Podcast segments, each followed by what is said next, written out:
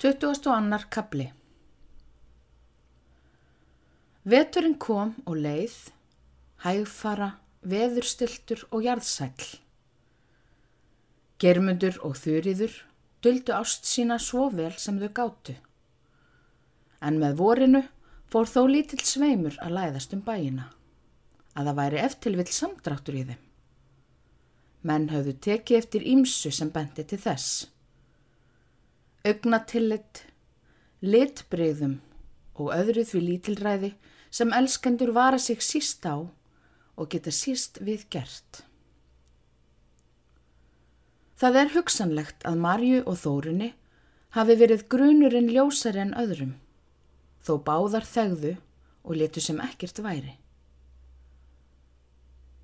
Um jólinn og nýjárið, við danssamkomurnar, Hefðu þau getað haft brefaskipti, talað nokkur orð saman, orð sem voru kvistluð með þýðu óskýru tungutaki, glampandi augnatillit, heitir kossar, kistir í flíti, titrandi handband, alls þessa hefðu þau að minnast frá þeim vetri og yfir því öllu kvildi leinileg unun töfrandi tvíhættu sæla, sveimhuga samrómur ungra elskanda.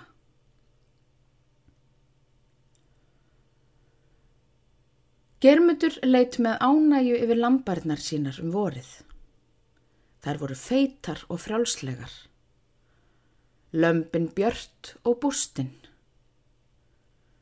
Fjennu hafði fjölgað að mun þessi árin í breyðholti og nú voru sjö ærnar tvílendar.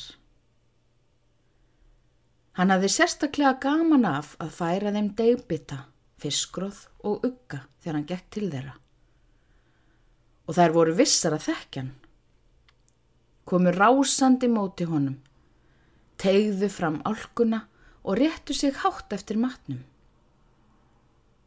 Lömpin stóðu ofilitið frá, störðu á mannin og móðurina á viksl. Hrætt og undrandi spertu fram eirun. Stóðu í hálgerðun hnipri hvort hjá öðru, viðbúin að hlaupa ef háska bæri að. Ef nokkuð ótaði þeim. Dálitinn spöl frá lág vaskur millir þúpna. Starði á germund og stökk undir ens til hans þegar hann bandaði hendinni og gekk burtu frá honum. Fladraði og stökk upp um hann og reyndi að sleikja honum hendurnar.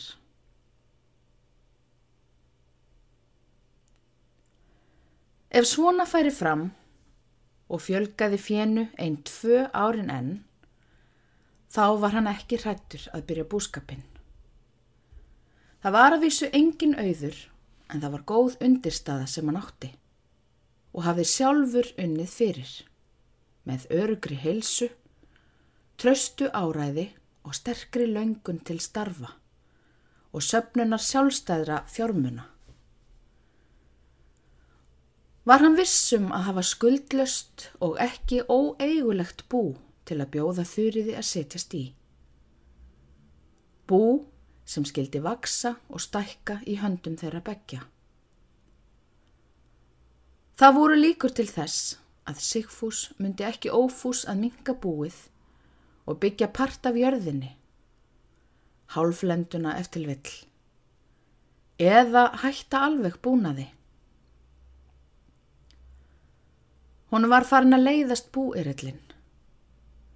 Þau hjónin áttu engin börn, konan nokkuð svo stygglind ef hann drakk og Sigfús þóldi það hvon ríki illa drakk engum miður þótt þessi ágreiningur yrði. Sigfús sagði oft við germund þegar hann var við öll að sér var í kærast að geta verið í húsmennsku þar sem hann kynni vel við sig. Máski færi hann vestur í hverfi, hann var í ættaður þaðan. Eða þeir hefðu nú skipti, germundur yrði búndin, Sigfús húsmaður. En þá verður að gifta þig og hafa nóg vín í veistlunni. Bragða svolítið sjálfur. Þú hefur ekkert illt af því, sagði Sigfús og hló við. Og germundi leik einmitt hugur á að fá breyðholt. Vinfengi þegar Sigfúsar var gott. Hann hafði jörðina í egnarhaldi, þó skuldir læju á nokkrar. Tók því öllu vel, en sagðist myndu býða ókventur, einn tvö eða þrjú árin enn, bað hann samt að lofa sér fyrstum manna að vita um ráðabreitni sína, ef nokkur yrði og óskaði eftir að með að kaupa jörðina ef hann seldi. Sigfús lofaði því. Þau germundur og þurriður fengu aldrei færi á að tala saman, nema örf á orð í einrúmi. En þess lengur sem leið, þess meir þráðu bæði að meg að njóta lengra samtals. Því meiri hugur var þeim á því að njóta ástarmunaðarins um lengri tíma.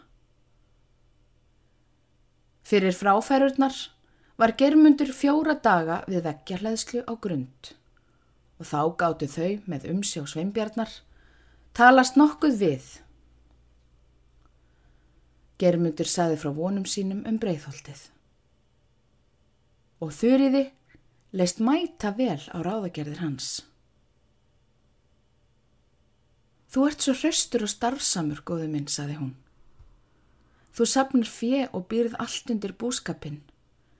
En ég ger ekkert. Ég kem bara tómhönd til þín. Gott ef ég kann að sauma fötinn þín og matreða. Og þráir þið samt að ég komi. Segðu ekki þetta, elskan mín. Fyrir þig, þín orð og ást er ég maður með mönnum. Þú mátt gjarna koma á tómhend. Ég elska þig og gæðin þín, en ekki auð ný metorð. Þú ert nú samt betur ættið en ég og ég get aldrei þakka þér eins og ber ástína, svo reyna og óeigingjarna eins og hún er. Ég veit ekki hvort hún er óeigingjörn. Ég veit bara að ég elska þig, gat ekki annað, hlaut að gera það. Mér var það sama og ljósið, helsan og lífið. Vertu blessuð, marg blessuð fyrir þessi orð. Þau skulu gefa mér styrk og þól í lífsbáróttunni. Nú er ég sæll og óttast kvorki rángsleitni mannana nýja erfiði af náttúrunar völdum. en eftir þessa fjóra daga ógs orðrómurinn að mun.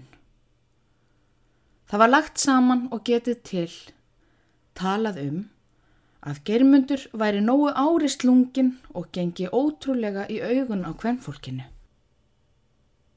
Hann væri trúlafaður prestótturinni. Þó fóreldrarnir líklega hefðu vita á að sportna við annari eins ráðurleysu og taka ráðinn af dóttur sinni. Germund grunaði þetta af tilliti og rannsóknar viðleitni fólksins. En þurriði ekki. Svo gata hann þessi brefi til hennar og bæði fóru varlega með launugarmál sitt eftir það um sumarið.